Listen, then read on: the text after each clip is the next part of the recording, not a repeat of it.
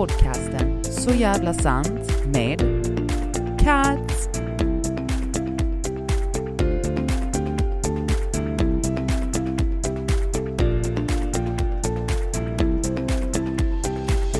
Hallå allesammans! Välkomna till det andra avsnittet av Så jävla sant. I dagens avsnitt så tänkte jag ta upp Biggest Loser, sanningen bakom Biggest Loser. 2012 eller 13 tror jag. 2013 kanske. 2013 eh, var jag med i Biggest Loser. För er som inte vet vad det är så är det ett viktnedgångsprogram. Det är en tävling i viktnedgång. Eh, jag ansökte efter att en kollega till mig sa liksom att ja men du, ska inte du vara med i Biggest Loser? Alltså du är ju liksom, det är som klippt och skuret för dig. Så tänkte jag ja, ja, but why not liksom? Så jag ansökte efter många om och men efter auditions hit och dit så kom jag med. Kvällen innan vi skulle åka ut till Ekolsunds slott var detta hölls så åkte jag till Stockholm och fick bo på ett hotell där över natten. Kommer fram till Stockholm, rå panik. Alltså när jag säger råpanik, då menar jag råpanik. Jag ringde upp en av mina kompisar och bara grät förloder. Jag var så ledsen och så nervös. Och jag bara nej, jag skiter i detta, jag ska gå hem, faktiskt shit typ, det är inte värt det. Och hon bara, men lyssna, om du inte trivs så åker du bara hem. Det, du vet. End of story liksom. Um, och jag bara, ja okej okay, det är sant. Eh, så jag eh, bestämde mig då ändå för att obviously eh, åka dit och se what is this biggest loser all about? Många har frågat mig jättemånga frågor om Biggest Loser under alla år från det att jag var med och så fram tills idag får jag fortfarande massa frågor kring det. Så jag tänkte ta upp helt enkelt min sanning om Biggest Loser. Och vad skedde egentligen bakom kulisserna? Alltså om produktionsbolaget lyssnar på detta, please don't sue me. Nej, men det kan, ni kan väl inte stämma med va? Vi får hoppas att jag inte säger någonting för dumt. Uh, I don't have money, don't come at me, typ. Men anyway, det första vi fick göra var att vi fick gå på en läkarundersökning. Uh, alla deltagarna var i ett rum tillsammans, men vi fick inte prata med varandra. Och det var lite så här skumt liksom, för att där sitter vi bara så här, hej hej, nu ska vi spendera förhoppningsvis många veckor tillsammans, men eh, vi får inte prata med varandra. Kul! Eh, men det var också för att de ville ha liksom det här första mötet on cam, att det skulle vara liksom jätteäkta. Vi eh, var där på läkarundersökning och sen så blev vi satta på en buss och åkte ut från Stockholm till Ekolsunds slott. På bussen så fick vi inte heller riktigt prata med varandra, men ni vet, vi smög in ett ord här, ett ord där. Eh, väl framme vid slottet så hade vi någonting som heter synkning. Synkningar är då helt enkelt intervjuer. När ni ser, att, när ni ser på tvn att vi pratar typ rakt ut till ingenstans och till ingen så är det en synkning. Men då sitter vi också och tittar på en människa som faktiskt ställer oss frågor. Det börjar liksom med synkningen bara så här, ja hur känns det, ni taggade, kom igen, tagga till, whoop whoop typ. Eh, sen så, det året jag var med, det var första gången det skulle sändas på sjuan istället för på TV4. Eh, det hade bytt namn till Biggest Loser, Tro, hopp och kärlek. Eh, vi var 14 personer, eller var vi 13? 13 eller 14, jag minns inte. Och jag tror att alla var singlar förutom en. Jag tror det var Jenny som var gift. Resten var nog singlar. Lite osäker på om Anna hade en relation eller inte, men majoriteten var singlar. Och det var lite det de skulle bygga på. Uh, förmodligen så har vi alla då uppgett också i våra ansökningar, jag förmodar nu, jag vet inte, jag gjorde det 100 procent, att det man saknade väldigt mycket, det var en tvåsamhet, man saknar kärlek, man saknar liksom de bitarna. Så jag tror att de gjorde liksom lite den nischen. Eh, något annat som var nytt för vår säsong, det var att vi skulle ha en ny programledare. Tidigare så var det Jessica Almenäs, tror jag att hon heter, eh, som hade Biggest Loser, men nu så var det en ny eh, en ny person som skulle vara programledare. Vi hade ingen aning om vem det var. Vi stod vid grindarna till Alen och gående kommer då Kristin Kaspersen. Alltså jag svär när jag säger att alla kissade en skvätt när de såg henne. Alla absolut kissade på sig en skvätt. Och alla var så här, men gud, det är Kristin, jag dör! Och jag var så här, okej, okay. ja, okej, okay. ja, jättebra, Kristin var det, ja, mm, mm, yes. Jag hade ingen jävla koll. Jag har jättebra koll runt om i världen, men just i Sverige har jag skitlite koll på folk. Nu har jag lite bättre koll, men då hade jag noll koll på någonting. Um, och det var liksom, och anledningen till att jag berättar detta är att ni kommer fatta det djupare in i programmet. Men redan där så var ju Kristin väldigt avdramatiserad för mig. För jag, hon var bara, alltså, jag visste liksom inte vem hon var. Så väldigt avdramatiserad. Eh, det hela började med att vi hade en tävling. Eh, och den här tävlingen, då skulle man springa från grindarna upp till slottet. Min första spontana tanke var, girl, you bitches are crazy. Alltså snälla springa. Hej då, what about not? Eh, hur som helst, Emma och Christian vann den här tävlingen, vilket innebar då att de fick, Eh, att de fick eh, välja lag. Hur de tänkte i form av lagen, jag vet inte, jag minns inte riktigt om den diskussionen fördes eller inte. Men jag vet i alla fall att jag fick då, och sen så när allt detta var klart så skulle vi upp på våra rum. Jag blev tilldelad ett rum, Mozartrummet. Sjukt fint rum, världens minsta toalett. Alltså jag kunde inte stänga dörren, på, alltså för att man fick sitta på bredden. Och min röv var för bred för att kunna stänga den här dörren. Så det var ju inte jättemysigt att gå och skita liksom på toaletten, men ja, ja, det, det löste ju sig ändå på något sätt. Men helt, helt ogenomtänkt. Men, eh, och sen så kommer jag också ihåg att trapporna upp till våra rum, alltså bara det kändes som ett så här helmaraton. Fy fan i helvete vad det var jobbigt. Eh, och det, alltså man ville liksom inte, kom man upp så ville man inte för något i världen gå ner igen. Alltså absolut inte. Och man gick ju bara upp om man absolut, absolut var tvungen. Men annars undvek man liksom de här trapporna så mycket bara fysiskt möjligt gick. Jag blev ju då tilldelad ett rum och jag fick dela rum med Hanna Österbo. Ung tjej från eh, Göteborg. Vi klickade jättebra direkt. Ehm, um, Hanna och jag var nog absolut så, så nära som man bara fysiskt möjligt kan komma varandra och psykiskt och på alla möjliga sätt och vis. Vi var verkligen varandra så här rocks under liksom själva biggest under den perioden. Jag kom sjukt nära Marcus. Han var också min liksom my rock in everything typ. Um, och sen så var jag väldigt nära Emma. Vi, vi, var väldigt nära allihopa. Men jag vill nog säga att de som faktiskt i själva eh, eller på slottet, de som var mig närmst var ju definitivt Marcus och Hanna. Um, som sagt, väldigt nära Emma, nära José, jag var nära Simon, jag var nära ganska många, eller i och för sig nästan alla Men Jag vet att, alltså jag ska inte sitta här och berätta liksom av varje avsnitt för sig. Det är inte det. Ni har antingen sett det eller så har ni inte. Och har ni inte det så kan ni se det eller så kan ni skita i det. Men jag vet att den här enorma chocken egentligen. För att jag tror att hur mycket man än förberedde sig så visste man inte riktigt vad man gav sig in på. I alla fall inte jag.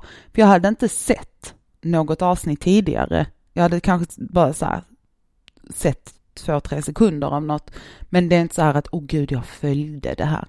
Inte överhuvudtaget. Jag hade mycket sett den amerikanska versionen, men inte den svenska. Och det är väldigt, väldigt olika skulle jag vilja säga. Eh, den amerikanska är mer extrem, den är lite mer snäll. Men vi fick ju då, eh, när Emma och Christian valde lag, jag hamnade i det svarta laget tillsammans med Emma, bland annat. Eh, vi fick ju då Mårten Nylén som vår tränare. På Biggest så tränar vi ungefär 8 till 12 timmar per dag. Vi tränade alltså från morgon till kväll. Alltså det var, och när jag säger morgon då var det fortfarande beckmörkt ute när vi vaknade. Det var liksom 4.30, 5 på morgonen, ut och gå två timmar, tillbaka, käka lite frukost, in i gymmet, träna med tränarna. Det var liksom konstant.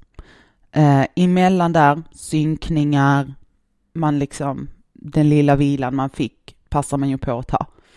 Eh, vi, eh, dessutom så fick vi då, vi fick ju laga all mat själva, så vi hade liksom som ett matschema. Att idag lagar jag och José maten tillsammans och imorgon lagar bla bla bla maten. Så varje dag var det någon ny som lagade mat. Och det vill jag nog ändå säga att det funkade väldigt bra. Och sen fick man ju ta upp liksom mat själv såklart efter hur många kalorier man åt, för alla hade ju individuella eh, kalorimått så att säga. Eh, personligen så åt jag någonstans mellan, som mest efter invägning, så åt jag 1100 kalorier och som lägst har jag legat på kanske 450-500 kalorier på en dag. Eh, och då är det precis innan, dagen innan invägning. Och då var det verkligen liksom, alltså då var det, det var då de här 12-13 timmars passen kom upp. Vi drack inget vatten, två dagar innan invägning drack vi inget vatten. Um, två dagar innan drack vi typ bara om vi var tvungna. Och dagen innan så bara vi sköljde munnen. Um, bara för att droppa liksom så mycket som möjligt. Vi hade ju då som sagt absolut ingen som helst kontakt med omvärlden. Och det var väldigt påfrestande många gånger, men inte på det sättet att det var påfrestande. Det var väldigt skönt också för att man kunde bara fokusera på sig själv. Men det blev påfrestande för att den värld man då hade, den byggde man ju upp till något så enormt stort. Varenda relation, varenda individ, varenda händelse var så enorm så det var helt sjukt. Eh, du vet att alla de här, alla liksom deltagarna, du vet, de blev liksom din mamma, din pappa, din pojkvän, sambo, kusin, din hund Lukas, din, alltså, okej, okay, vem fuck är Lukas? Jag känner ingen hund som heter Lukas. Om någon har en hund som heter Lukas, let me know. Anyway, eh, det blev så stort och så påtagligt och så liksom, och eh, här samtidigt så försöker man liksom ändå mm, bearbeta sitt skit.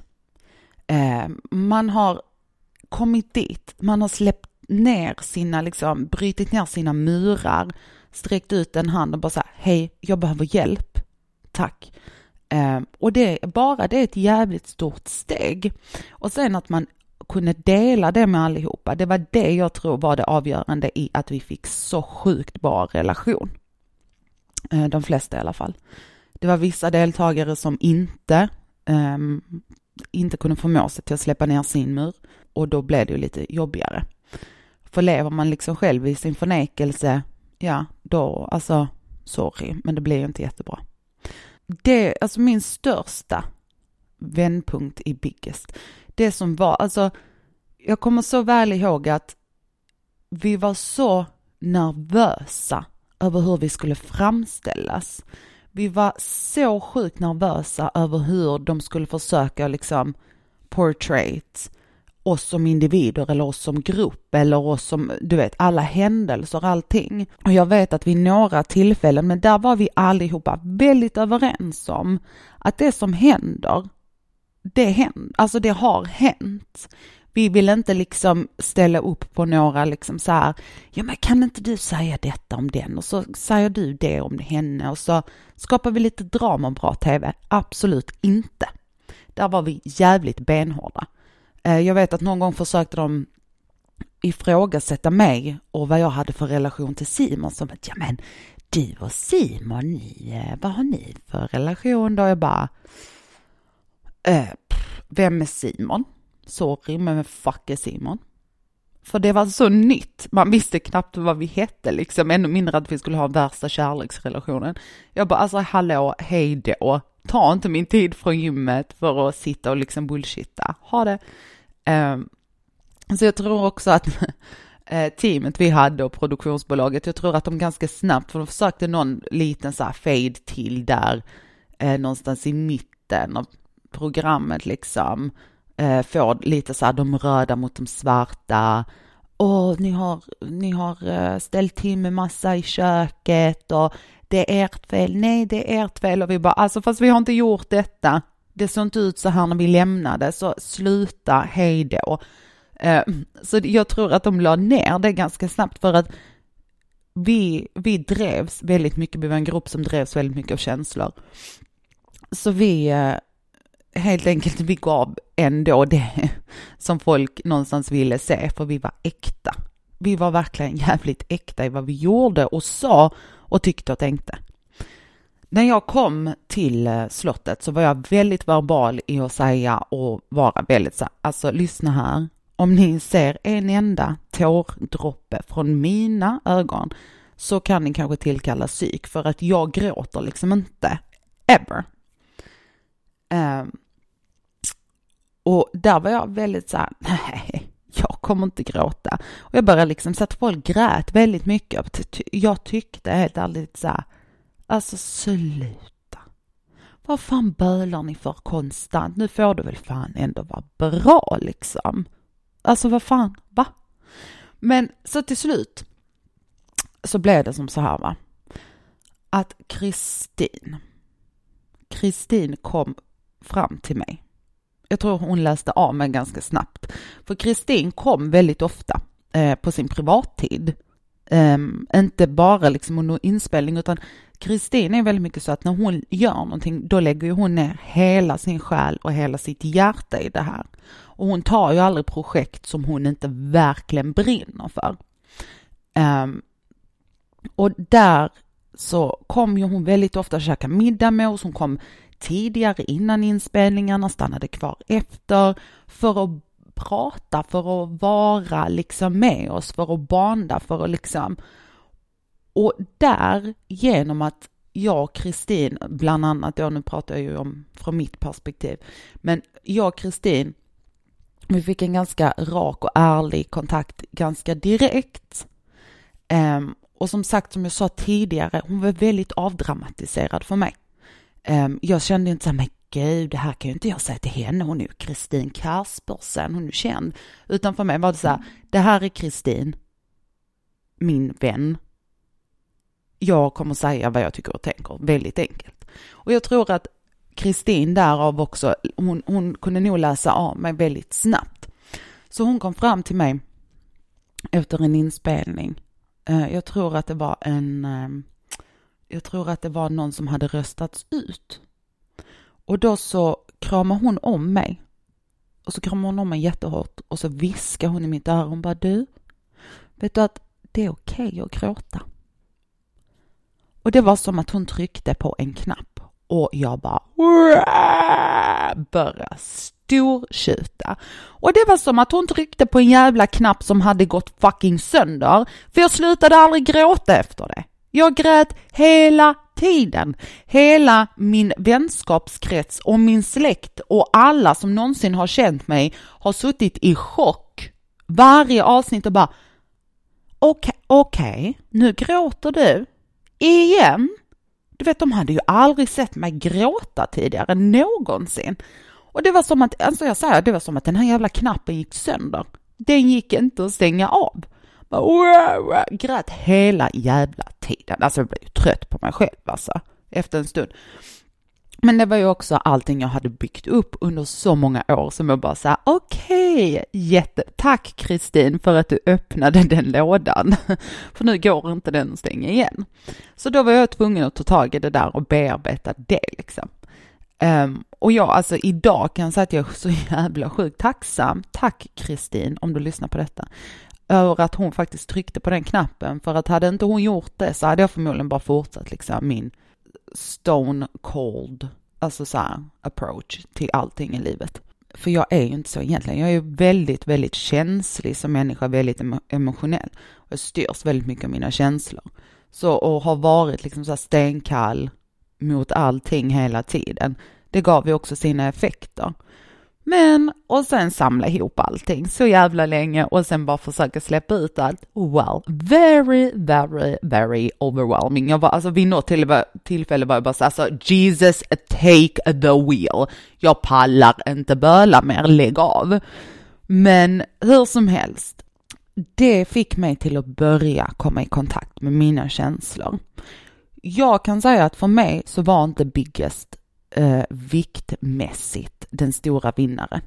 För mig var det känslomässigt. Och det kan jag också bara säga att det var bara tack vare mina deltagarkompisar och Kristin. Vi hade en psykolog, jag tror att han var psykolog, jag är lite osäker, men han var nog psykolog. Eh, han kom en gång i veckan, eller en gång varannan vecka, jag minns inte riktigt. För jag tycker fan inte att jag har träffat honom så jävla många gånger. För jag minns inte ens vad han heter eller hur han ser ut. Så det måste ha varit varannan vecka. Men, eller en gång i veckan, jag vet inte. Men det var liksom verkligen så att vi fick sitta med honom i fem minuter. Och det var verkligen så här att, jaha, hur känns det nu då? Är allting bra? Ja, jo, det, det är bra. Och sen så är det lite så att när man är så instängd som alla vi var, alltså till att börja med, så kommer du inte bara sätta dig liksom med den här främlingen som är psykolog och bara nej, alltså du vet att livet är helt åt helvete. Ja, det är helt skit. Detta är så jobbigt och jag, jag, jag vet inte vad jag ska ta vägen och jag bla bla bla. Alltså man börjar inte så liksom. Trust me, det tar mer än fem minuter för mig att bara, vet du vad, mitt liv är skit. Men så det jag kan tycka med just Biggest, det var att det är så lite. Det är så sjukt lite fokus på den mentala hälsan. And let me tell you something, allting sitter uppe i hjärnan. Det gör det. Punkt jävla slut. Man kan säga vad fan man vill. Allting sitter i hjärnan. Alldeles för lite fokus på det mentala. Um, ja, och det, det är liksom alldeles för lite fokus på det. Det jag kan också tycka kring Biggest är att man fick aldrig någon riktig förberedelse inför vad fan händer när jag kommer hem? För sen när du kommer hem, alltså jag kommer ihåg, det var så konstigt att komma hem. Alltså, först och främst så, ska, så blir du utröstad. Och det, bara det kändes någonstans som en kniv i ryggen. Ett, jag fattar det är en tävling. Två, man har någonstans ställt till det själv för man hamnar under den gula linjen liksom. Så, alltså sorry men du vet, hade tränat bättre eller hade du gjort bättre ifrån dig så hade du fått vara kvar. Men det kändes ändå liksom när man blev utröstad, jag kommer ihåg liksom att jag reagerade jättestarkt. Inte framför folk, men när jag kom hem så kände jag mig liksom så lite övergiven och bara så här, oj, jag, jag trodde vi var kompisar, Var, varför skickar ni hem mig? För jag var helt säker på att jag skulle få vara kvar. Och inte för den saken skulle att jag var bäst eller att jag gav mest till laget eller att jag gav mest till programmet, utan bara just för att vi har ju byggt den här relationen. Hur kan du göra så mot mig? Jag skulle aldrig göra så mot dig, typ. Och det hade jag säkert gjort om jag hade suttit i den situationen. Men fortfarande så kändes det som ett sånt enormt jävla svek liksom. Um, och speciellt det stod mellan mig och Hanna. Så för mig blev det lite så här, okej, okay, okej. Okay. Men då är det ju någonting med Hanna som gör att de tycker bättre om henne än mig. Det, det är ju bara så det och det, alltså, äh, det var ett enormt sjukt svek och det gjorde så jävla ont.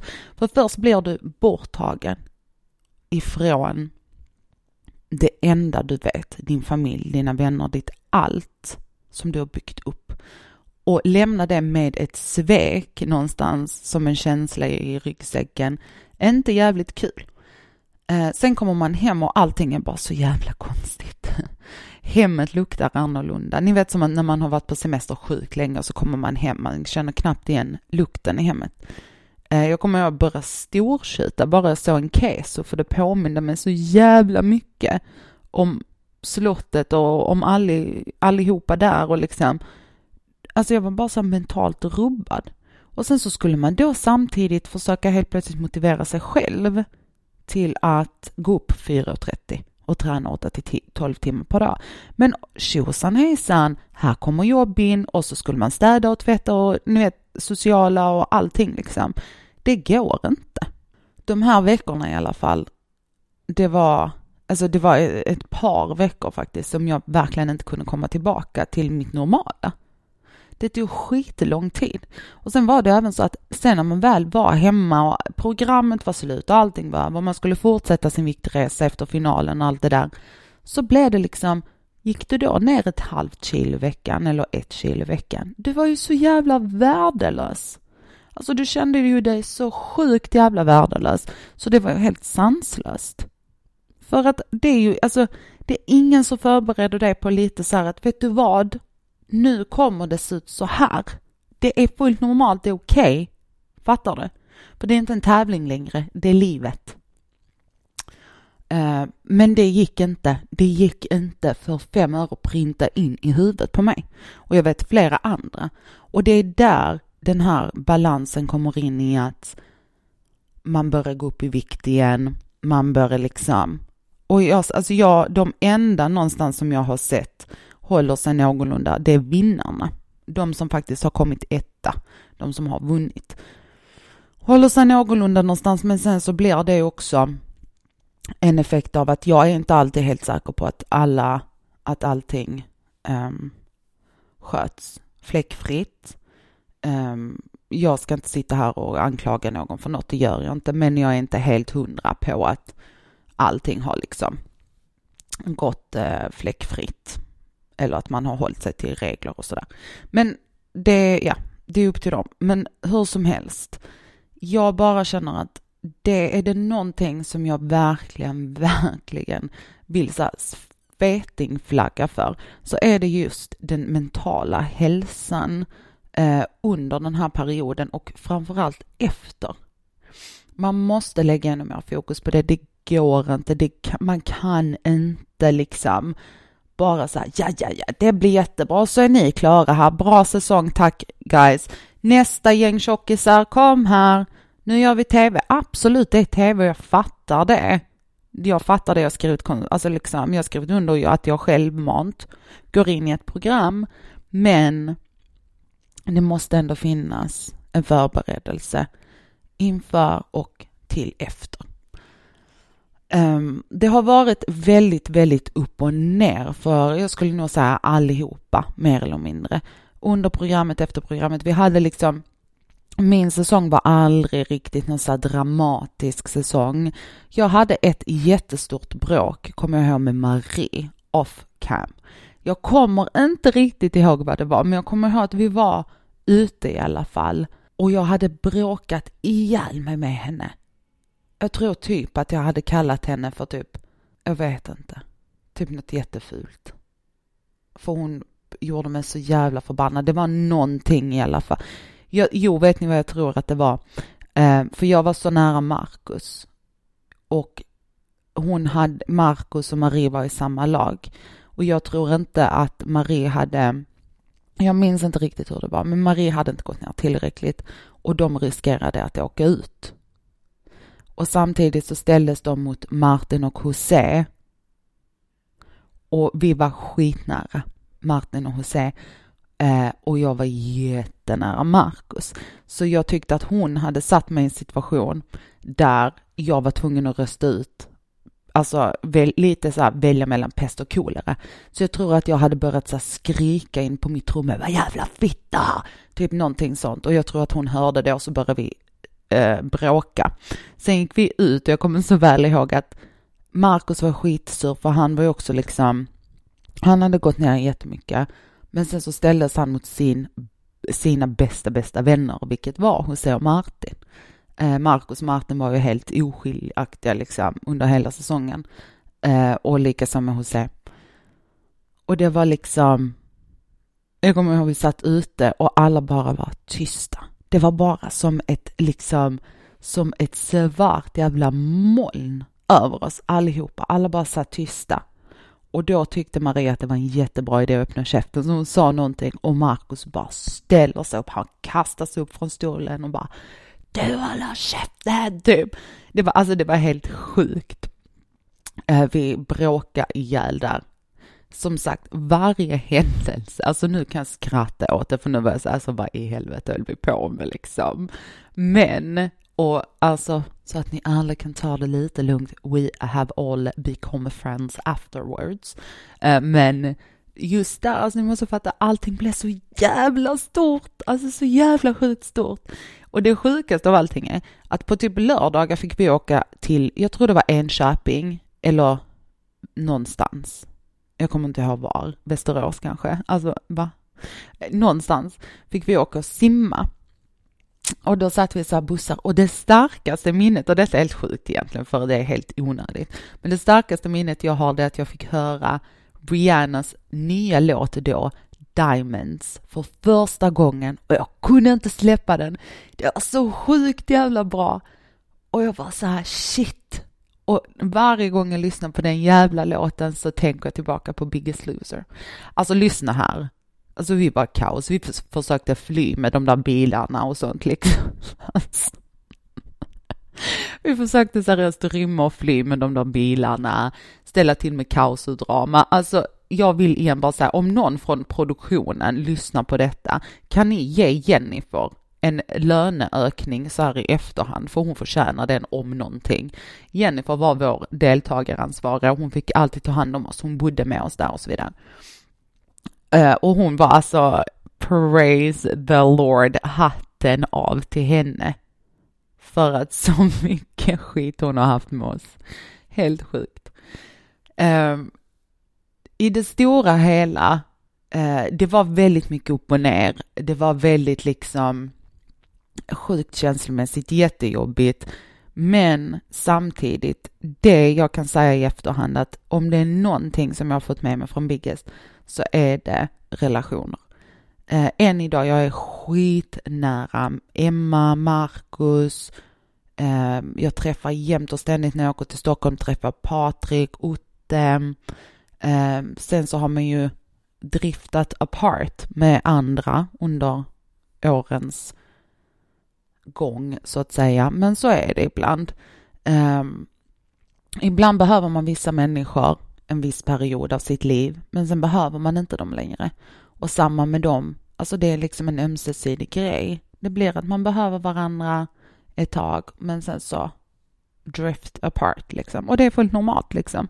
Så no hard feelings till någon liksom. Men som sagt, Emma, Christian, um, Patrik, Otte, um, Martin. Det är väl de jag har mest kontakt med idag. Um, och det, alltså det är guld värt. Och Kristin såklart. Alltså igen, Kristin, what the fuck hade jag ändå gjort utan dig. För att i den situationen, alltså Kristin var min så guardian angel. Jag skämtar inte när jag säger det. Alltså forever grateful. Hur som helst, jag hoppas i alla fall att ni har fått en lite bättre bild av Biggest Loser. Jag skulle absolut vilja liksom rekommendera folk till att söka till det om man skulle känna att man vill det. Men please, jag vet inte som sagt, jag vet inte om de kanske har gjort några ändringar nu, jag tvivlar, men jag vet inte. Eh, om de har mer liksom mental styrka, bla bla bla bla. Men hur det än är, det är en jävligt fet upplevelse, det är en jävligt fet sak och mycket har varit med om. Man lär sig mycket, på gott och ont. Eh, och man lär sig väldigt mycket om sig själv för fan. Du lär känna dig själv på ett helt annat sätt. Det är helt sjukt. Jävligt häftig upplevelse. Nästa vecka så kommer vi att prata om den absolut, alltså ett ämne som ligger mig väldigt varmt om hjärtat. Och vi kommer då att prata om den sjukt själviska, äckligt själviska människa. Tack så jättemycket för att ni lyssnade guys. Vi hörs igen på söndag.